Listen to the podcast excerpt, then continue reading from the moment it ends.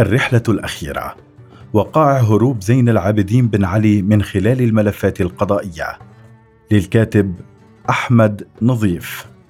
في الليلة الفاصلة بين السادس والسابع من تشرين الثاني نوفمبر عام 1987 كان رئيس الوزراء التونسي زين العابدين بن علي أكثر تمسكا ورصانة. جمع قادة الدولة في صالة فسيحة داخل وزارة الداخلية استعدادا لحدث جلل. على الجانب الآخر. كان الرئيس التونسي الحبيب بورقيبة جالسا في إحدى صالات قصر قرطاج. صافي الذهن على غير عادته. يحدث بنت أخته سعيدة ساسي. وطبيب الخاص ومدير الديوان الرئاسي عمر الشاذلي عن وقائع الحروب الصليبية التي كان يحب الحديث عنها واسترجاع أحداثها. في الوقت نفسه كانت عناصر الوحدة المختصة للحرس الوطني تغادر القاعدة الجوية. في العوينة متوجهة نحو القصر لتنهي ثلاثة عقود من حكم المجاهد الأكبر كما كان يحلو لبورقيبة أن يصف نفسه. بين عامي 1987 و 2011 جرت مياه غزيرة تحت الجسور وتدفقت على مهل. عاد بن علي إنتاج نظام بورقيبة بشكل آخر لكنه لم ينس تكرار الخطأ الذي ارتكبه سلفه وهو تفويض المغادرة في الوقت المناسب. مشيدا به. كتب الجنرال شارديغول في مذكراته بورقيبة يعرف كيف يكون دائما على موعد مع التاريخ لكن هذه المعرفة خانته عندما احتاج إليها لحسم قرار الرحيل عن كرسي الحكم كما خانت الجنرال بن علي تماما. مساء الرابع عشر من كانون الثاني يناير 2011 سار موكب الرئيس زين العابدين بن علي إلى مطار القاعدة العسكرية في العوينة وامتط طائرته نحو المجهول بعيدا عن السلطة. وبينما كان يضرب كفا بكف ألقى نظرة أخيرة على البلاد من القاعدة العسكرية نفسها التي وصل من خلالها إلى الحكم قبل 23 عاما. مر شريط ذكرياته سريعا أمامه في صمت. لم يشقه سوى صوت أزير محرك الرحلة الأخيرة. الرجل الذي لم يكلفه الوصول إلى السلطة رصاصة واحدة كلفه الخروج منها كثيرا من الذخيرة والدماء. رحيل بن علي المفاجئ فتح الباب واسعا أمام تساؤلات حول أسبابه وتفاصيل حدوثه. ما زالت حتى اليوم لا تجد جوابا قاطعا حيث ما زالت وقائع يوم الرابع عشر من كانون الثاني يناير 2011 غائما يكللها الكثير من الضباب.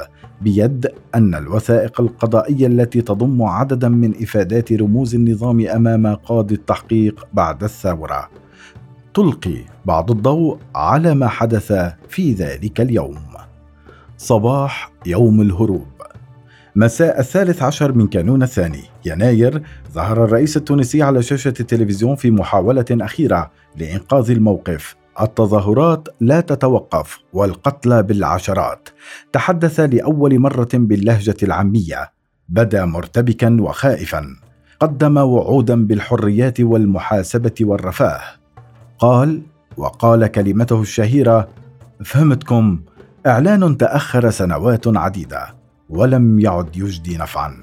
وما إن أنهى الرئيس خطابه حتى خرجت جموع من أنصار الحزب الحاكم تجوب الشوارع لتشكر السيد الرئيس على هذا الإعلان التاريخي وبموازاة ذلك زادت تظاهرات الاحتجاج والغضب حده وتمرد. صباح اليوم التالي خرجت الجماهير بشعار واحد خبز وماء وبن علي لا. وفي العاصمة بدأ المتظاهرون يتجمعون في ساحة محمد علي معقل الاتحاد العام التونسي للشغل. ثم كسرت الجموع الطوق المفروض على شارع الحبيب بورقيبة ودخلته من محاور مختلفة لتتجمع أمام البناية الرمادية لوزارة الداخلية. الرمز التاريخي للدولة البوليسية التي أسسها الحبيب بورقيبة ووطد دعائمها بن علي. بدأ أن الأمور خرجت عن سيطرة النظام. في إفادته أمام القضاء يقول مدير المخابرات العسكرية جنرال أحمد شابير كنت منذ الصباح في مكتبي أتابع الأحداث سيما التجمع المنعقد في ساحة محمد علي في تونس العاصمة أمام مقر الاتحاد العام التونسي للشغل. لقد لاحظت أن العديد من العناصر الأمنية كانت تقوم بتسليم أسلحتها الفردية للسكنات العسكرية وقد استغربت تلك التصرفات التي لم يكن لها مبرر في الواقع. كما لاحظت تعمد العديد من الأعوان التغيب عن مراكز عملهم والتخلف عن الحضور. وقد تمت مهاجمة 13 مقرا أمنيا وسجلت كذلك حالات تملل داخل السجون وفراغ أمني حيث تمت مهاجمة بعض الأحياء السكنية والمحلات التجارية وتم استهداف منازل أفراد من عائلة الطرابلسي أصهار الرئيس بن علي. بعد فشل خطاب ليلة الثالث عشر استشعر بن علي أن الأمور بدأت تخرج عن السيطرة فيما كان أركان النظام الأمنيون يتلقون سيلا من المعلومات من مصادر مختلفة زادت من منسوب الرعب في صفوفهم. يقول رئيس أركان الجيش الجنرال رشيد عمار في إفادته القضائية أنه تلقى صباح الرابع عشر من كانون الثاني يناير اتصالا من الجنرال علي السرياطي مدير الأمن الرئاسي طلب منه فيه تعزيز الوحدات الأمنية المتمركزة على مفترقي شارع الحبيب بورقيبة وقد لاحظ أنه كان مرتبكا ومتخوفا من توجه الجماهير باتجاه القصر الرئاسي. بداية الذعر. بعد ساعات زادت حدة التظاهرات في عموم البلاد وامتلأ شارع الحبيب بورقيبة من أقصاه إلى أقصاه وبدأ الرئيس بالتفكير في فرض حالة طوارئ وحل الحكومة وإبعاد العائلة من البلاد لأيام حتى تهدأ الأمور. فقد كان غضب الناس تجاه زوجة الرئيس وأصهاره يفوق غضبهم عليه. كان محسن رحيم مدير التشريفات الرئاسية يجلس في مكتبه في قصر قرطاج عندما استدعاه الرئيس على عجل. كانت الساعة تشير إلى الثانية عشر ظهرا وطلب منه أن يجهز الطائرة الرئيسية التي ستتولى نقل زوجته ونجده محمد وابنته حليمة إلى السعودية لأداء مناسك العمرة. وقال له حرفيا الجو ليس جيدا والوضع غير مستقر. سيسافرون لتغيير الجو ويؤدون العمرة. جهز الطائرة وسأعلمك لاحقا بالتوقيت. ويتابع رحيم كان الرئيس لا ينوي السفر مع عائلته. فقمت بالتواصل مع مدير الخطوط التونسية ونسقت معه كما يجري دائما في مثل هذه الحالات. في هذه الأثناء كان الرئيس يتابع الوضع الأمني بقلق شديد والمعلومات تتدفق على الأجهزة الأمنية والرئاسة بشكل غير منقطع. يقول الجنرال عمار رئيس الأركان عاد الجنرال السرياطي واتصل بي مرة أخرى في الساعة الثانية وأربعة عشر دقيقة ظهرا وأعلمني بأن الرئيس بن علي وردت إليه معلومات مفادها أن زعيم حركة النهضة راشد الغنوشي سيدخل البلاد قادما من الخارج وأن مطار تونس قرطاج غير مدرج ضمن النطاق المحروسة وقد كان علي الصرياطي متخوفا من تلك المعلومة التي وردت من الأجهزة الأمنية في الخارج كما طلب مني تعزيز الحماية حول منازل بعض أفراد عائلة الطرابلسي ولكنني رفضت وقلت له إن الجيش لا يحمي إلا مؤسسات الدولة.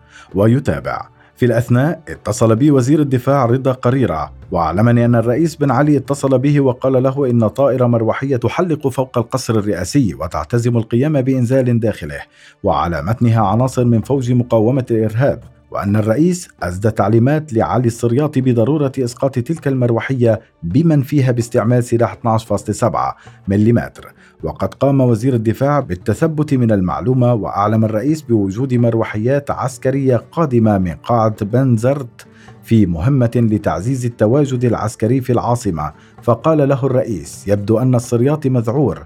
لم يكن الصرياطي وحده مذعورا. فالذعر كان يسري في جميع جسد النظام. النظام يتخبط. نجحت قوات النظام في تبديد التظاهرة الكبيرة أمام وزارة الداخلية إلا أن ذلك لم يكفي لتبديد الفوضى التي اجتاحت البلاد. كانت منازل أصهار الرئيس وعائلته هدفا للمحتجين والمحلات نهبا بالعصابات. ومع الساعة الثالثة ظهرا قرر الرئيس وضع رئيس أركان الجيش منسقا للتعليمات في غرفة وزارة الداخلية للإشراف على ضبط الوضع. يقول الجنرال أحمد شبير حوالي الساعة الثالثة تم الدعوة إلى مكتب وزير الدفاع رضا قريرة وقال الجنرال عمار سيذهب للتنسيق في وزارة الداخلية بأوامر من الرئيس وأنت ستذهب إلى قاعة عمليات الجيش لتنوب محله في تنسيق العمليات. وقد لاحظت تخوفا باديا على وزير الدفاع من علي الصرياطي وقد قال بالحرف الواحد أنا بدأت أشك في السرياطي وقد استغربت ذلك القول الذي لم يكن مبررا منه. وفي قصر قرطاج كان الرئيس قد حزم أمره وقرر أن يكون موعد إقلاع طائرة العائلة في السادسة مساء لكن محسن رحيم يورد حديثا دار بينه وبين الجنرال السرياطي بعد أن أعلمه الرئيس بموعد الرحلة قائلا: حتى وإن كانت الطائرة الرئاسية غير جاهزة فلنذهب إلى المطار العسكري وننتظر هناك. فالجيش أولادنا. وقد فهمت من كلامه أنه سيشعر بالأمان في المطار العسكري وأن وجوده في القصر الرئاسي أصبح يشكل خطرا عليه وعلى حياة الرئيس خاصة بعد الاتصال بمحافظ بمطار تونس قرطاج لكن شخصا آخر أجابه وقدم نفسه بسمير الطرهوني فقال لي السرياطي توجد مؤامرة بين كوماندوس الحرس وكوماندوس الشرطة. قبل ذلك وفي الساعة الثانية وأربعين دقيقة تلقى سمير الطرهوني قائد الفوج الوطني لمجابهة الإرهاب اتصالا من الوكيل حافظ العوني الضابط في فرقة حماية الطائرات. مفاده أن عددا كبيرا من أفراد عائلتي بن علي وزوجته ليلى يتجمعون في إحدى صالات المطار استعدادا للهروب قرر الطرهوني من تلقاء نفسه وبدون أي تعليمات حسب ما جاء في إفادته أمام القضاء أن يتوجه إلى المطار مع فرقة أمنية ويلقي القبض على أقرباء الرئيس. بدأ جو من عدم الثقة يتشكل بين أركان النظام. كان بن علي نهبا لمئات المعلومات المتدفقة من مصادر مختلفة ومتضاربة أحيانا لكن الجنرال عمار يشك في نوايا الطرهوني ومن كان يقف خلفه. يقول في شهادته أمام القضاء في الساعة الرابعة والربع تلقيت اتصالا من وزير الدفاع قال لي فيه هل أعطيت تعليمات بمنع إقلاع الطائرات؟ حيث هناك من أبلغ الرئيس أنني منعت إقلاع أي طائرة من مطار تونس قرطاج. وفي اتصال آخر أعلمني وزير الدفاع أن الرئيس أخبره بوجود مندسين من الإخوانجية يعملون في فرقة مقاومة الإرهاب احتجزوا أفرادا من عائلته في المطار والرئيس يطلب القضاء عليهم وضربهم بالرصاص. واعتقد أن الطرهوني ومساعده كانا يأتمران بأوامر من شخص أجهله. وعن هذه الأجواء الغامضة والمريبة يتحدث سامي سيك. سالم العقيد في جهاز الأمن الرئاسي والذي كان مناوبا في قصر قرطاج في ذلك اليوم في الساعة الرابعة بعد الظهر كنت في عملية تفقد للوحدات وفي طريق عودتي اعترضني مدير الأمن الرئاسي الجنرال علي الصريطي وهو يقود سيارة بسرعة جنونية ويرافقه مدير التشريفات الرئاسية محسن رحيم. وبعدها مباشرة سمعت على الجهاز اللاسلكي أن موكب الرئيس بن علي غادر نحو قصر سيدي الظريف في سيدي بوسعيد إلا أنه سرعان ما سمعت مكالمة ثانية تفيد بأن الموكب لم ينعطف نحو سيدي بوسعيد فتوجهت مباشرة نحو غرفة العمليات فتم إعلامي بأن موكب الرئيس توجه إلى المطار الرئاسي حيث يتم تجهيز الطائرة الرئاسية. ويضيف العقيد سالم في شهادته أمام القضاء. داخل الغرفة سمعت العديد من المكالمات التي تفيد بوجود آلاف من متساكني المرسى والكرم يريدون مهاجمة القصر الرئاسي بوجود بارجة حربية قبالة القصر الرئاسي ومروحية عسكرية تحلق فوق القصر. فاتصلت بالمقدم الياس الزلقة مدير إدارة المرفقات في الأمن الرئاسي واستفسرت عن الأحداث فأخبرني بأنه لا يعلم شيئا. فاتصلت بالجنرال سرياطي لكنه لم يجبني.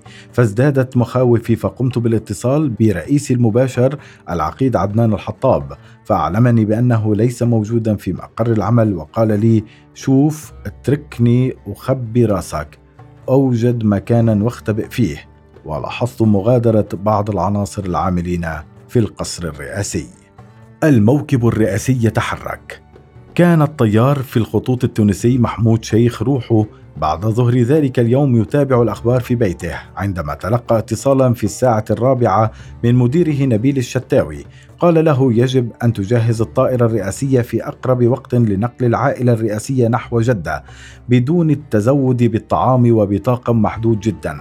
فتواصلت مع المطار لإصدار مخطط الطيران ورخص المرور فوق المجالات الجوية من تونس نحو السعودية.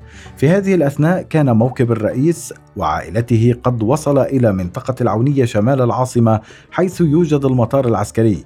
وبدأ موت النظام ينسج أكفانه شيئا فشيئا.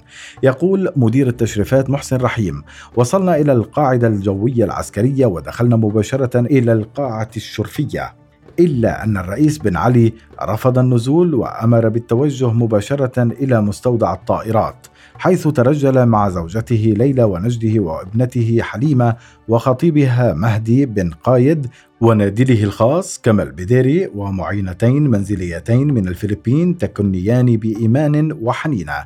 يقول الطيار محمود الشيخ وصلت الساعة الخامسة إلى المطار فوجدت الطائرة في المستودع وشاحنة الوقود تقوم بتزويد الطائرة وسط المستودع في عملية شديدة الخطورة. وسط وجود عناصر من الأمن الرئاسي يحملون بنادق طلب مني مدير الأمن الرئاسي أن أضع مخطط الطيران نحو مطار جزيرة جربة التونسية ثم نسافر إلى جدة دون أن نعلم أحد إلا أنني رفضت ذلك بسبب خطورة العملية فلا يمكن أن ندخل مجالات جوية دولية دون رخصة. فقالوا نسافر إلى جربة ثم نقرر. ويتابع محسن رحيم في شهادته على تلك اللحظات. في استكمال عملية التزويد بالوقود تم شحن الحقائب والتي لم تكن كثيرة ولا ثقيلة. قام أحد العناصر الأمنية بإنزال حقيبة ومعطف الجنرال السرياطي من الطائرة بعد أن قال له الرئيس لا توجد ضرورة للصعود سأقوم بإيصالهم وأعود. فأجابه السرياطي لا تعد حتى أتصل بك سيد الرئيس. ثم غادر الرئيس وعائلته دون حتى أن يقوم بالإجراءات الروتينية لختم الجوازات.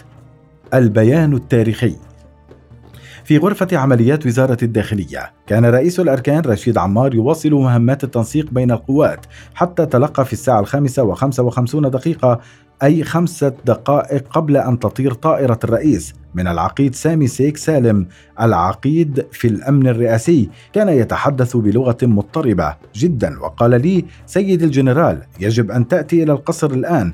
فقلت له لا آتي إلا بتعليمات من وزارة الدفاع. وقد اتصلت بوزير الدفاع الذي وجدته على علم بعملية هروب الرئيس وقد استغربت لعدم إعلامي من طرفي وزارة الداخلية والدفاع بعملية خروج الرئيس من البلاد. وقد أعلمني الوزير أيضا بعملية إيقاف علي السرياطي في القاعدة الجوية في العوينه ويضيف العقيد سالم في شهادته عن هذه الوقائع. اتصلت بالجنرال رشيد عمار وبالوزير الأول محمد الغنوشي الذي أوصلني به النقيب بشير شهيدة رئيس فرقة تأمين الوزارة الأولى. فقلت له إن الرئيس قد حمل نفسه وعائلته وهرب من البلاد وتونس أمانة في رقبتك فلا تدعنا للضياع. فأعلمني أنه ليس المعني المباشر بالأمر. وأن الوضع يتطلب حضور كل من رئيس مجلس النواب ورئيس المجلس الدستوري ورئيس المجالس المذكورين ثم اتصلت بهم ووفرت لهم سيارات لجلبهم إلى القصر.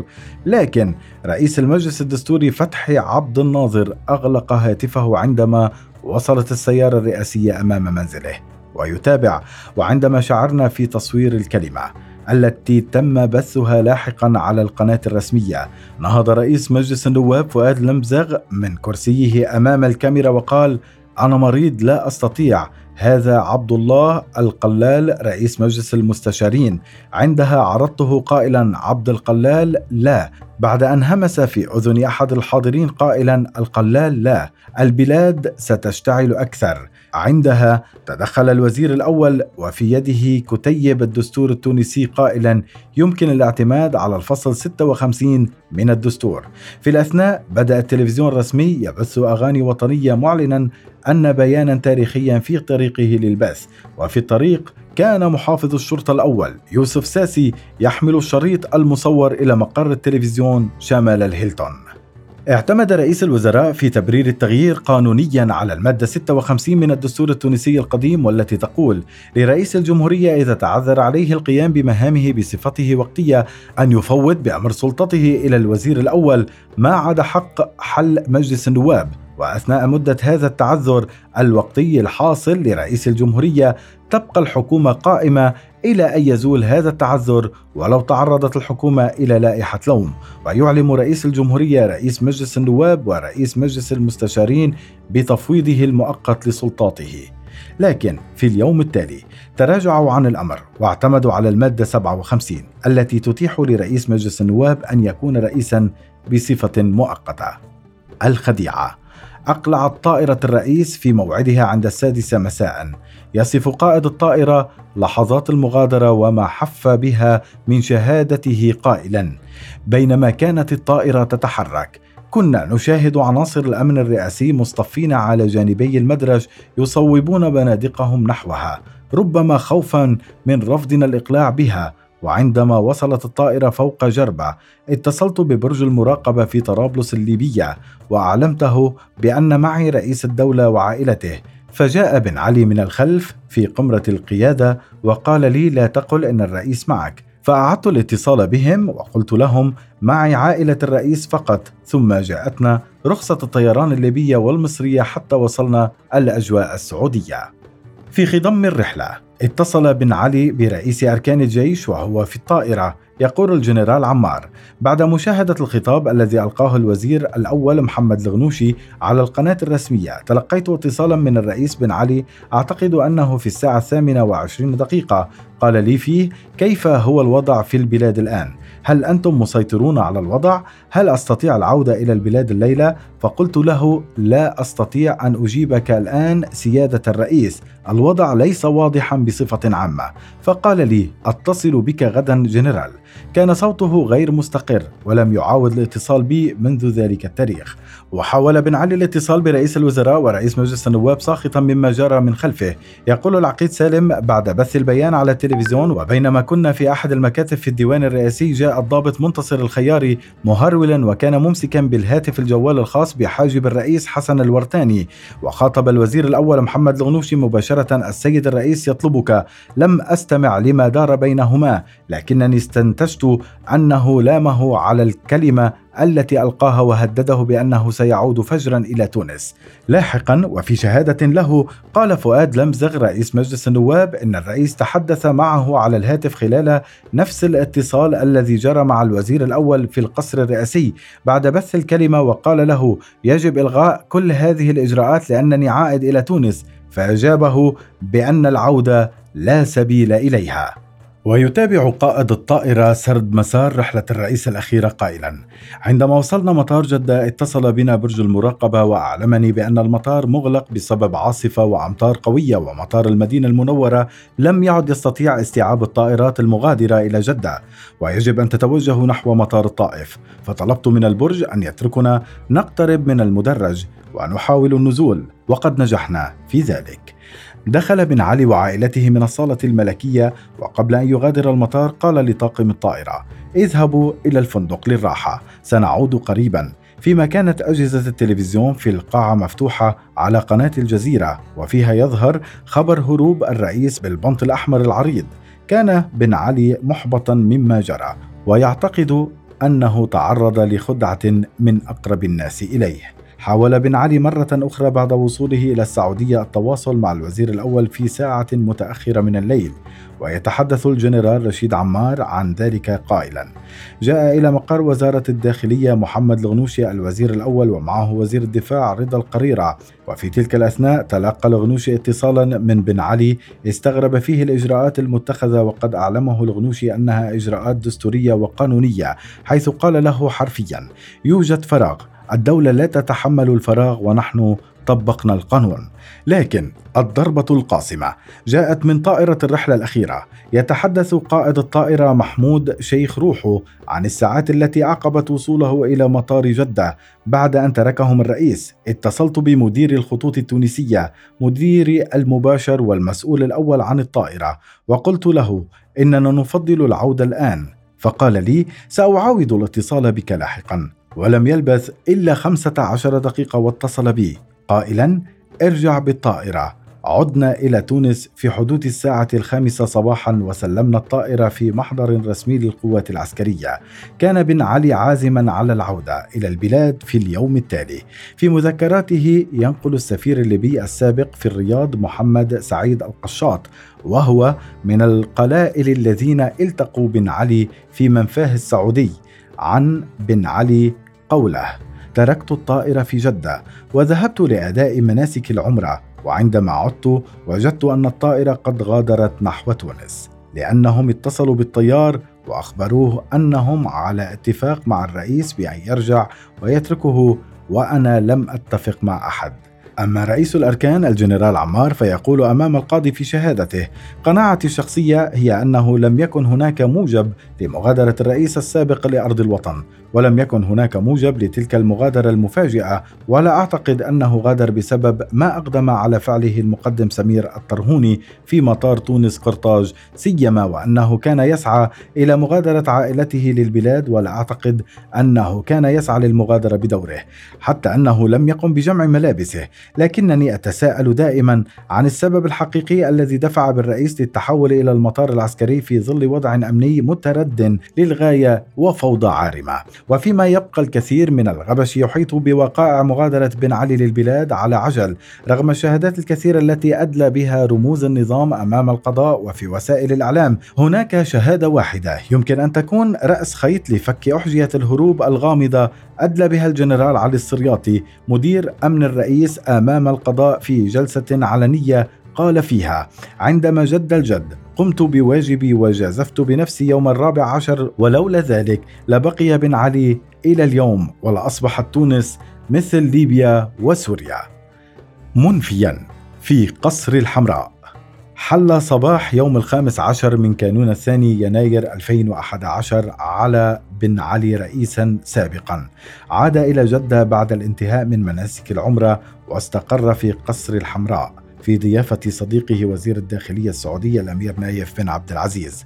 في طرابلس الغرب كان السفير محمد سعيد القشاط يستعد للاستقرار بعد سنوات من الخدمة في الرياض لكن هروب بن علي قلب حياة الرجل مرة أخرى وشتتها بالسفر.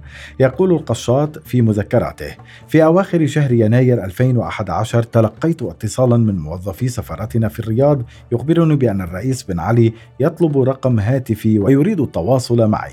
علمت الأخ العقيد معمر القذافي بالأمر فقال لي تواصل معه وقل له إنك قادم إليه في جدة وشجعه بأننا لن نتخلى عنه. وأوصاني العقيد بنقاط لتبليغها لبن علي منها أننا نود أن يغادر السعودية إلى بلد يستطيع فيها مخالطة الشعب والتحدث بحرية ويستحسن أن يكون في أوروبا. وأننا يجب أن نتواصل مع الجيش لتنفيذ انقلاب وإعادته إلى الحكم. وفي الصباح اليوم التالي استقليت الطائرة نحو عمان ومنها إلى جدة. وفي صباح السابع عشر من يناير اتصلت ببن علي وعلمته بأنني قادم إليه. كان السفير القشاط أول ضيف يزور بن علي في منفاه الجديد والوحيد الذي نقل أحواله في ظل طوق سعودي فرض عليه منذ اليوم الأول. يقول القشاط كان يقيم في قصر الحمراء ويشرف على حراسته اللواء سعود الداود الذي استقبلني وساقني نحو صالون جانبي عند مدخل القصر وتركني بعد أن أرسل لي نادلا بالقهوة والتمر على عادة أهل السعودية. وبعد قليل دخل بن علي الذي كان في لياقته التي كنا نشاهدها في التلفزيون. عانقني وسأل على أحوال الأخ العقيد وهو يقول إنه الصديق الوحيد الذي أثق فيه ثم قال أبلغ الأخ القائد أنني لم أهرب. ولكن عندما تطورت الأحداث رأت زوجتي أن تذهب للعمرة وأصرت على أن أذهب معها ويتابع وضع لي بعض الأعضاء. هكذا وردت في المذكرات. في أذني لو تتدخل بعض الدول الصديقة مع الحكومة الحالية بأن نستقبل في تونس ونبقى تحت الإقامة الجبرية. فلو تم ذلك فإنني أستطيع أن أحرك الوضع. أعطوني ثلاثة أشهر في يدي. أستطيع أن أعمل كل شيء. أحتاج لمساعدة الأخ القائد خادم الحرمين وملك المغرب. عدت إلى ليبيا والتقيت بالأخ العقيد وقرأت له الحديث بن علي. فطلب مني الرجوع إليه وطمأنته بأننا نعمل من أجله لرجوعه إلى وطنه وعليه تكثيف اتصالاته بالداخل بأعوانه في الجيش والأمن. لاحقا رجعت إلى لقاء بن علي وبلغته رسالة الأخ العقيد. وقال لي لو يتدخل الجيش ويعلن حالة طوارئ يمكننا التدخل. يجب أن يزيد التعفن حتى يخرج الجيش لحماية الأملاك ويعلنون حالة الطوارئ. بعد ذلك يسهل علينا التدخل.